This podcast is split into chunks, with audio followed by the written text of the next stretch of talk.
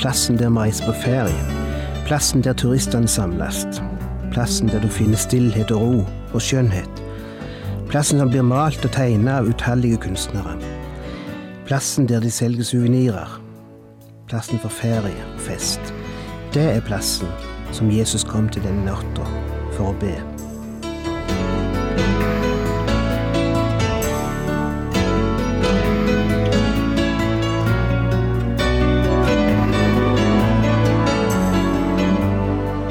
Hjertelig velkommen til et nytt program i serien Vindu mot livet. Vindu mot livet er basert på programserien Insight for Living ved Chuck Svindal. Programmet er produsert av Kristen Riksradio og blir ledet av Ola Bjoland.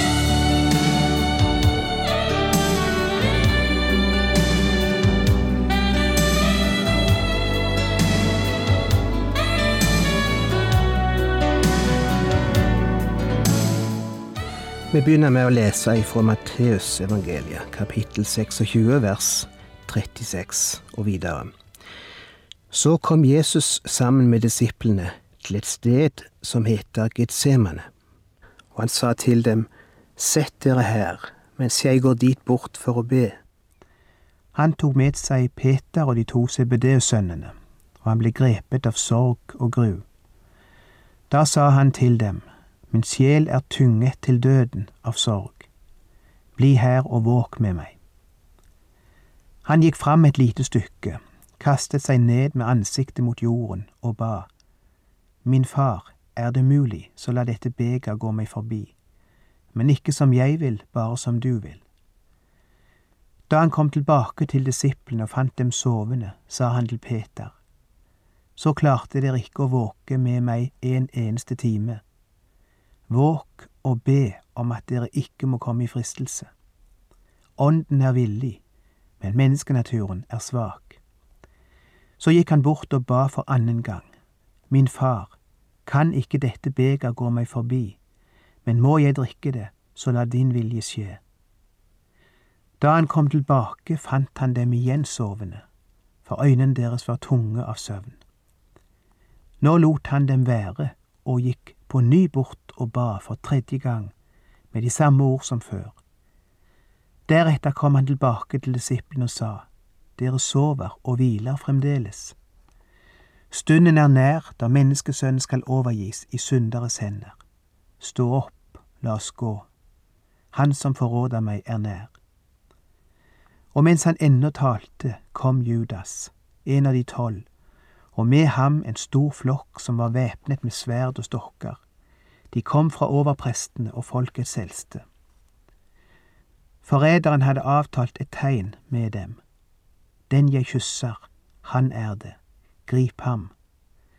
Og med en gang gikk han bort til Jesus og sa, Vær hilset, rabbi, og kysset ham. Men Jesus sa til ham, Min venn, gjør det du er kommet for å gjøre. Nå kom også de andre til, og de la hånd på Jesus og tok ham til fange. Har du noen gang opplevd å bli hylla en dag og korsfesta den neste? Du forstår sikkert hva jeg mener. Den ene dagen får du kanskje ros og ære og blir hylla og forfremma, mens du kort tid etterpå blir dolka i ryggen av den samme personen eller den samme gruppa. Noen av dere har opplevd det. Jeg tror de aller fleste har erfaringer som iallfall ligner på dette.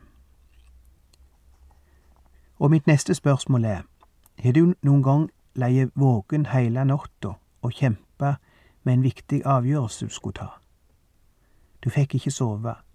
Du tenkte og grubla fram og tilbake, kasta deg fram og tilbake i senga, og klarte ikke legge tankene ifra deg.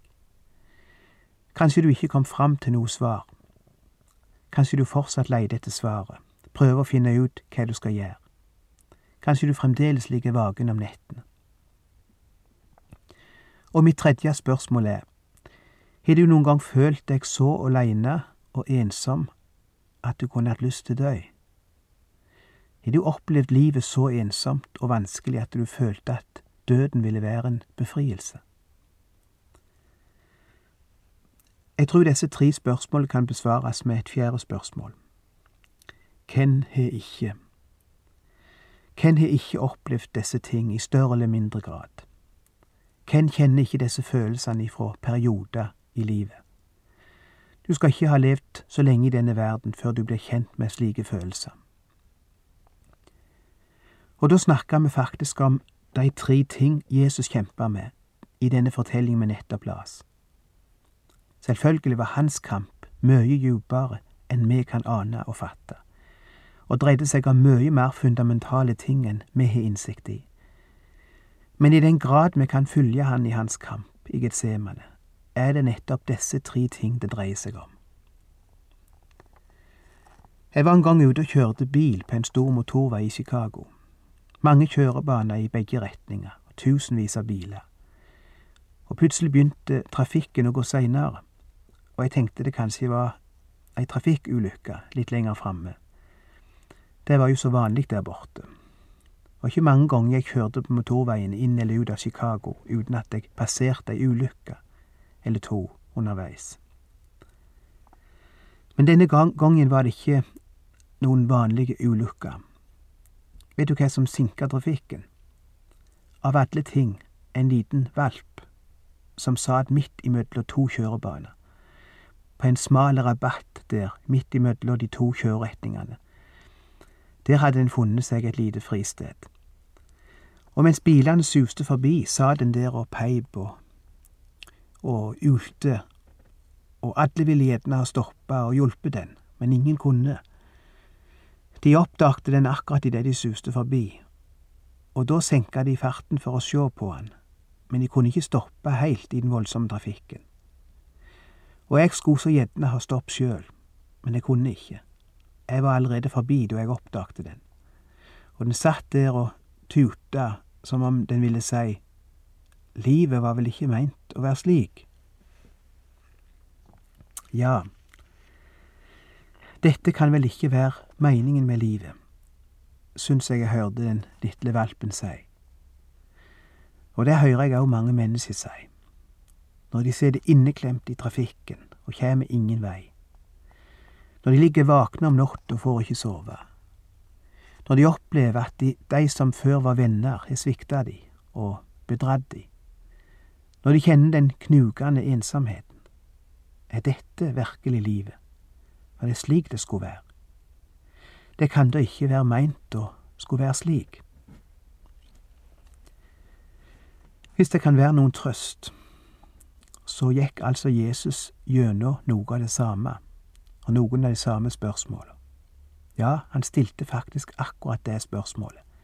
Er dette meninga med livet mitt, far? Må jeg virkelig gå gjennom dette? Er dette virkelig nødvendig? De kom til et sted som heter Getsemane, står der. Getsemane, plassen der vi reiser på ferie, plassen der turistene samles, plassen der du finner stillhet og ro og skjønnhet, plassen som blir malt og tegnet av utallige kunstnere, plassen der de selger suvenirer, plassen for ferie og fest. Det er plassen som Jesus kom til denne natta for å be. Der han kjempa heile natta i bønn. Det var plassen der han huska dagene da han var blitt hylla for bare kort tid siden, men der han snart skulle hentast for å korsfestast. Det var plassen der han følte seg så forferdelig aleine og forlatt. Getsemane. Der ikke engang hans nærmeste venner var med han i sorgen der ikke han mest, hans mest trufaste klarte å holde seg våkne en gang, mens han kjempa. Sett dere her mens jeg går dit bort og ber. Han tok med seg Peter og de to CBD-sønnene, og han ble grepet av sorg og gru. Da sa han til dem, Min sjel er tynget til døden av sorg, bli her og våk med meg. Han gikk fram et lite stykke, kastet seg mot jorden og ba. Min far, er det mulig, så la dette beger gå meg forbi. Tre ganger ba han denne bønnen, jeg syns jeg hører mellom linjene. Far, jeg må minnast når livet var fint og menneska hylla meg. Da jeg satt på eselet, tok de av seg sine kapper og kasta de framfor meg og ropte, Hosianna, velsignet være Han som kommer i Herrens navn. De sa jeg oppfylte Sakarias' ord. De sa det. Men nå kan jeg høre mobben komme. De vil spikre meg fast til et kors. Jeg føler meg så aleine. Tror du ikke det var Jesus sine følelser nå? Syns du jeg gjør dette for menneskelig, for platt? Men er det ikke det som er selve poenget, at han var menneske? 100% menneske.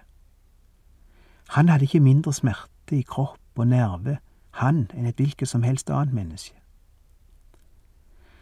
Å nei, ikke tro for et øyeblikk at det ikke var en bitter kalk å drikke for Jesus.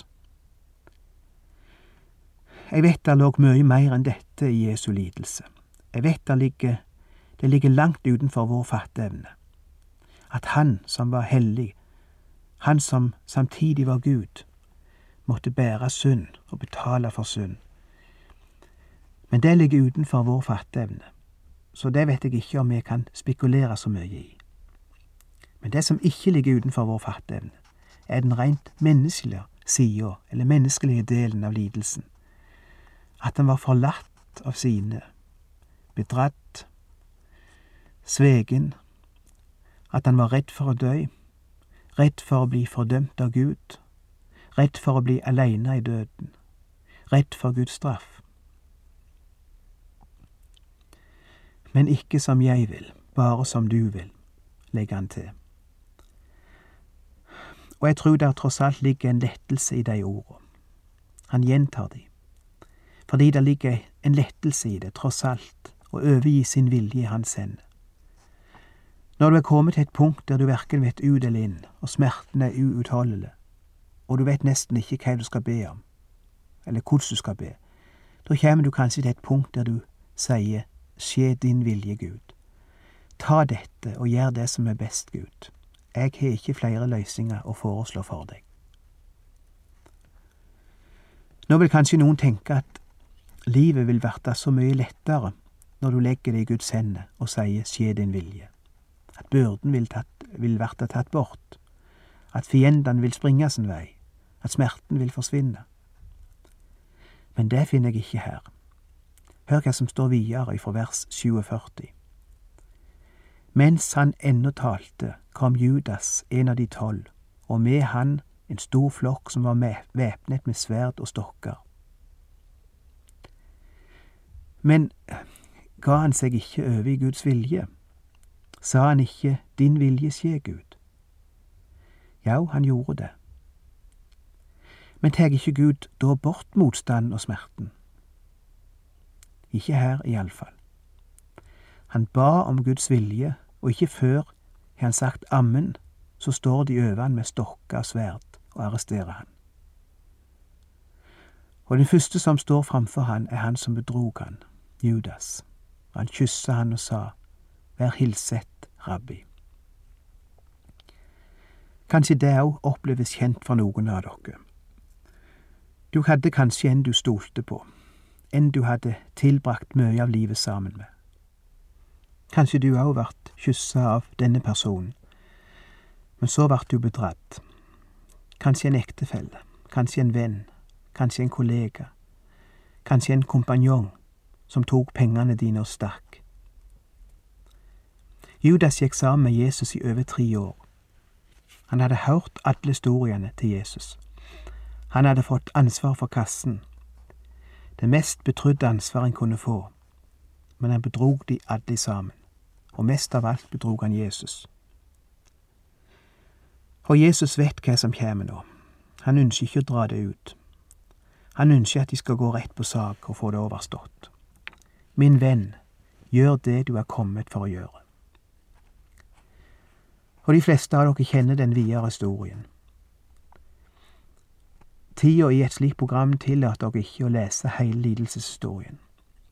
Men jeg har lyst til å sitere noe en har skrevet, som viser noe av den smerte min og din frelser måtte li i timene som lå framfor nå. Etter et narrespill av en rettssak ble han ført utenfor byen for å dø. Året er 30 etter Kristus. Klokka er ni om morgenen. De korsfestet ham. Han var ikke alene om å bli korsfestet. Mange hadde blitt det før ham, og også to andre ble korsfestet sammen med ham. Men ingen av dem var Guds sønn. Ingen av dem var uskyldige, som han.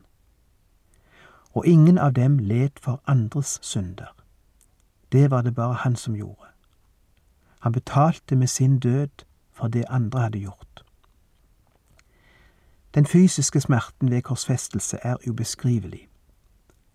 Den unaturlige stilling kroppen måtte henge i, gjorde hvert øyeblikk til en uutholdelig smerte. Tyngden av kroppen mot jernspikrene, som var drevet gjennom de mest sensitive nervesentrene i risten og anklene, skapte konstant tortur. Sårene fra spikrene og strimlene av skinn fra piskeslagene ble etter hvert betente og verkende. Kroppens stilling på korset hindret blodsirkulasjon og pust, og forårsaket en, en ubeskrivelig smerte i brystet. En brennende tørst satte inn. Fluene svermet rundt offeret og satte seg på det størknende blodet. Smerten ved korsfestelse var ubeskrivelig. Men ga han seg ikke over i Faderens vilje? Ja, han gjorde det. Og likevel havna han på korset. Kampen var ikke over fordi om han sa skje din vilje. Ikke la noen fortelle deg at all kamp og all smerte forsvinner bare du overgir deg helt til Gud. Du vil fremdeles oppleve, oppleve å bli korsfesta. Du vil fremdeles oppleve at noen svikter deg. Du vil fremdeles oppleve ensomhet. Men hva er så poenget med alt dette? Hvorfor måtte det skje? Hvorfor var dette Guds vilje? Det vi ikke ser imellom linjene, er at i generasjoner hadde mennesker vært fanga under ei plage som kalles synd. De var kommet inn i noe som de ikke kunne komme seg ut av og den eneste måte å komme synden til livs på, var å betale for den, sone den. Synda hadde skapt et skilje mellom menneske og Gud. Jeg vet at dette er fraser for mange. Jeg vet at det ikke er noe originalt. Men det er sant. Det var kommet en avgrunn mellom meg og Gud, mellom mennesket og den Gud som hadde skapt dem. Det var et stup imellom ei kløft som ingen menneske kunne overstige. Jesus bygde ei bru over denne kløfta. Det sier Romerbrevet 5. Han bygde ei bru med sitt kors. Det er den brua du og jeg skal få gå på. Apropos bru. Jeg har visst fortalt før om ei annen bru, men den historien kan sikkert høres igjen. Det var en film som rett og slett hette The Bridge, Broen. Den handla om et ungt ektepar som hadde en gutt i sammen. En virkelig lykkelig liten familie. Og gutten vokste opp og likna på far sin, og faren elska han over alle ting i livet. Så viser filmen faren som går på jobb. Han arbeider på jernbanen, og er noe som de i Amerika kaller switchman, en slags sporskifter. Det var før det ble automatisert å skifte sporene. så de måtte koble og skifte spor manuelt. Og det var jobben til denne mannen. Det vil si, det var ikke direkte manuelt, det skjedde ved å trekke noe spake, eller trykke av noen brytere, så det var for så vidt elektrisk, men tross alt var det ikke automatisk. En av jernbanelinjene gikk over ei bru som gikk over ei elv. Det var ei slik bru som kunne åpne seg på midten og gå opp i været på hver si side, slik at de store båtene kunne passere under bruna. Og hver gang det var et tog i vente, så måtte mannen trykke på en knapp, eller dra i et spak eller håndtak, slik at brua la seg på plass. En dag har faren gutten med seg på arbeid. Og filmen viser hvordan gutten valser rundt for seg sjøl mens faren er opptatt med å trykke på knapper for å få brua ned til toget skal passere. Det kommer ifra den andre sida av elva. I mellomtida har gutten kommet seg ut på brua og er på vei mot midten av den, mens den holder på å klappe sammen på plass og faren oppdager han ikke før han hører fløyta av toget som kjem i full fart ifra den andre sida. Kan du sjå det for deg? Hvis faren fortsetter å holde håndtaket nede, slik at brua detter på plass, vil gutten verta drept momentant. Hvis han snur håndtaket oppover igjen og lar brua åpne seg igjen, vil gutten verta berga, mens toget med flere hundre glade ferjereisende passasjerer om bord, vil styrte i elva, og de fleste, kanskje alle, vil bli drept. Og filmen viser nærbildet av ansiktet til faren, og den forferdelige kamp han utkjempa i disse sekunder. Et valg imellom å ofre sin egen sønn, som han elska så uendelig høyt, eller å ofre flere hundre mennesker som ikke har den ringeste anelse om at de er i livsfare. Til slutt ser vi han dra ned spaken så brua detter på plass. Og i øyeblikket etterpå raser toget forbi. Og vi kan sjå de mange leende og pratende ansiktene i vinduet, ifra mennesker som ikke ana at de var sekundet ifra døden, og som ikke ana hva det kosta sporskifteren og berga deres liv. Vet du hva det kosta Gud å berge deg? Vet du hva det kosta Jesus? Svaret finner du i den historien vi las litt ifra Bibelen. Og hvis du får sjå at det var for deg det skjedde, så vil òg ditt liv komme til å skifte spor.